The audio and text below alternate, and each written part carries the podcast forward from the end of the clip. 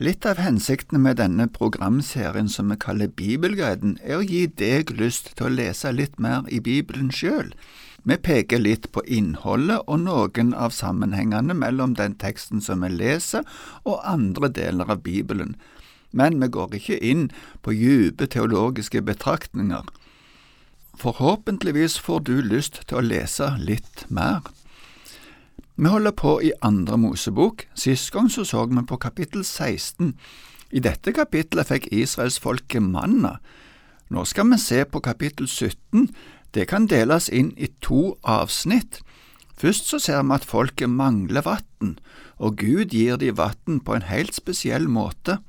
Dette leser vi om i de sju første versene.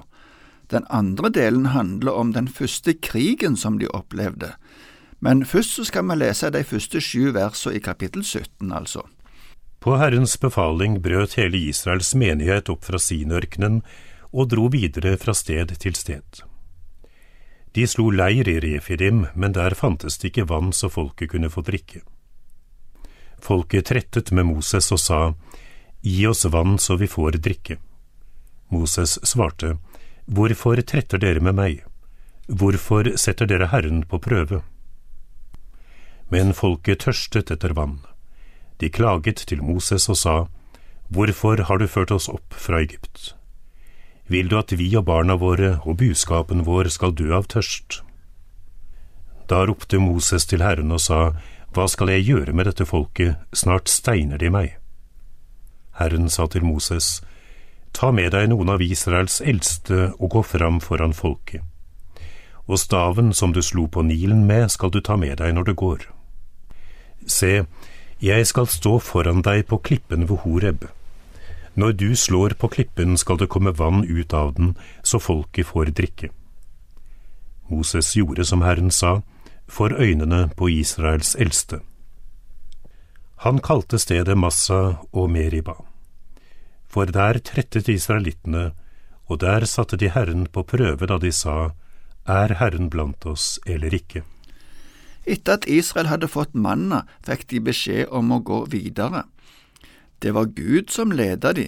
Selv om det ikke står her, står det andre steder at Herren gikk foran de hele veien i den skysøyla som vi har nevnt tidligere, og som var en ildsøyle om natta. De gikk nå til Refidim, det ligger i den sørvestre delen av Sinai. Det fantes ikke vann der, står det. Det ville ikke ha vært synd om lederne for folket kom til Moses og ba om vann, eller om de spurte om han kunne be til Gud om å ordne det slik som han hadde gjort når de mangla brød. Men her står det at de tretta med Moses, det ordet kan bety en juridisk diskusjon, men her kan det mer bety en sur klaging. Moses så på dette som en utfordring mot Guds trufaste nåde og et bevis på mistru til at Gud visste hva han gjorde. Dette var ikke første gangen de tretta med Moses, og dessverre heller ikke siste gangen. Hvorfor har du ført oss hit for å dø, sa de til Moses. Vannmangelen var nok krevende, men det var ikke Moses sin feil, og det burde folket òg ha forstått. Det var ikke han som hadde ført folket dit. Vi sa nettopp det at det var Gud som ledet de, og derfor så ser Moses dette som et angrep på Gud. Moses roper til Herren, står det. Svaret fra Gud var at han skulle ta med seg noen av de eldste, så det var nok ikke hele folket som ble med for å se det underet som her skjedde. Herren sa han skulle ta med seg staven og gå til klippen ved Horeb. Da skulle Gud være også der, og Moses skulle slå på klippen. Det skulle komme vann ut av klippen. Vannet som skulle slukke folket sin tørst, skulle komme ifra klippen som ble slått, og vi kan se at Paulus i det første Korinterbrevet i kapittel 10 i versene 3 og 4 sier alle spiste av den samme åndelige mat og drakk den samme åndelige drikk, for de drakk av den åndelige klippe som fulgte dem, og denne klippen var Kristus. Kanskje husker du òg at Jesus sa at han var livets vann, og at den som tørste skulle komme til han og drikke. Det kan du finne i Johannes evangeliet det sjuende kapitlet. Moses kalte dette stedet for Massa og Meriba. Massa betyr fristelse, og Meriba betyr trette eller strid. De hadde nok fått vann allikevel når de hadde behov for det, men det var litt trist at dette stedet ble forbundet med så mye negativt. I plassen kunne dette stedet ha fått et navn som vitner tydelig om Guds velsignelse. Men rett etter dette skjedde det noe annet som ble vanskelig for folket. Det kom et røverfolk som ville slå de, og det leser vi om i resten av kapittelet, fra vers 8 til 16. Vi leser det. Amalekittene kom og gikk til kamp mot israelittene i Refidim. Da sa Moses til Josva, Velg ut noen menn for oss, dra av sted og kjemp mot amalekittene. I morgen skal jeg stå på toppen av høyden med Guds stav i hånden. Josva gjorde som Moses sa, og kjempet mot amalekittene mens Moses, Aron og Hur gikk opp på toppen av høyden. Da gikk det slik til at så lenge Moses holdt hånden oppe, hadde israelittene overtaket, men så snart han lot hånden synke, fikk amalekittene overtaket. Men da Moses ble trett i hendene, fant de en stein og plasserte den under ham. Han satte seg på den, og Aron og Hur støttet hendene hans én på hver side. Da var hendene hans støe helt til solen gikk ned. Josva slo ned amalekittene og deres hær med sverd. Siden sa Herren til Moses, skriv dette ned i en bokrull som et minne, og les det opp for Josva. For jeg vil fullstendig utslette minnet om amalekittene under himmelen. Da bygde Moses et alter og kalte det Herren er mitt banner. Han sa, en hånd på Herrens banner. Herren skal kjempe mot amalekittene fra slekt til slekt. Amalekittene var et røverfolk som streifa rundt i ørkenen. De var etterkommere etter Esau. Israelsfolket hadde ikke provosert de eller erobra noe landområde ifra de, men de angrep uprovosert og brutalt. I femte Mosebok, kapittel 25, i versene 17 og 18, ser Moses tilbake på dette slaget og sier følgende til folket, Husk hva amalekittene gjorde mot deg underveis da dere dro ut av Egypt, de overrasket deg på veien da du var utsultet og utmattet. Uten frykt for Gud hogg de ned baktroppen, alle som var blitt liggende etter. Moses hadde kanskje hatt Josva som en nær medarbeider òg tidligere, men dette er første gangen han nevnes. Seinere vil han komme til å overta ledelsen av folket. Josva skulle lede slaget. Denne erfaringen ville bli en god erfaring når han seinere skulle lede erobringen av Kanan.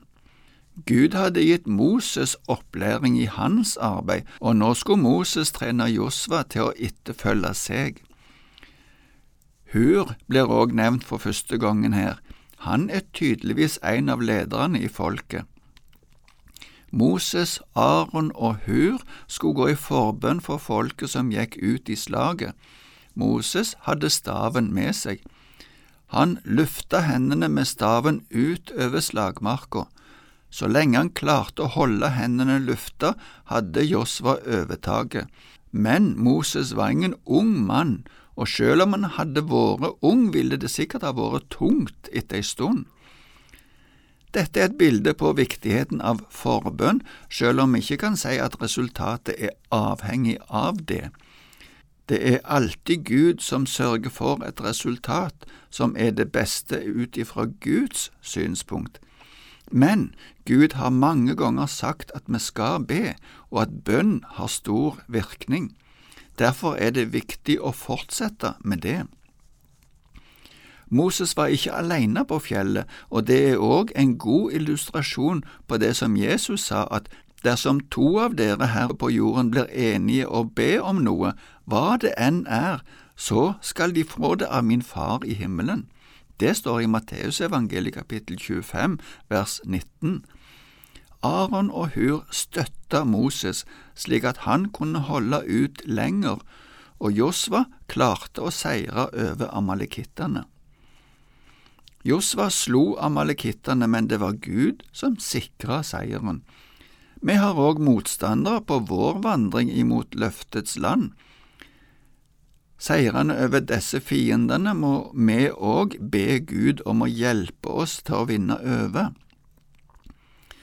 Dette var en viktig seier, og derfor ba Gud Moses om å skrive dette ned. Det måtte bli huska for all framtid. Som en liten kommentar kan vi bare nevne at det er noen som mener at Mosebøkene ikke ble skrevet ned før lenge etterpå, men det er ingen tvil om at de hadde kjennskap til skrivekunsten. På den tida skrev de i bokruller. I tillegg til å skrive det ned for at de skulle huske det, blei det reist et alter. Det står ikke noe om ofring, men det er ikke unaturlig å tenke på at det der blei ofra et takkoffer. Det var ofringer de bygde altrene for. Dessuten ble nok dette alteret stående som et minnesmerke om at det var her de hadde vunnet seieren over amalekittene. Moses kalte alteret Herren er mitt banner. Dette er ikke navnet på Gud, men en markering av at han løfter Herren høyt og vil følge etter Han som at det er Herren som er den egentlige hærføreren. Banneret ble jo brukt for å vise hvor kommandoen var. Det siste verset oversettes litt annerledes i norsk bibel. Der står det at en hånd er utdrakt fra Herrens trone, noe som antyder at Gud kommer sine til hjelp.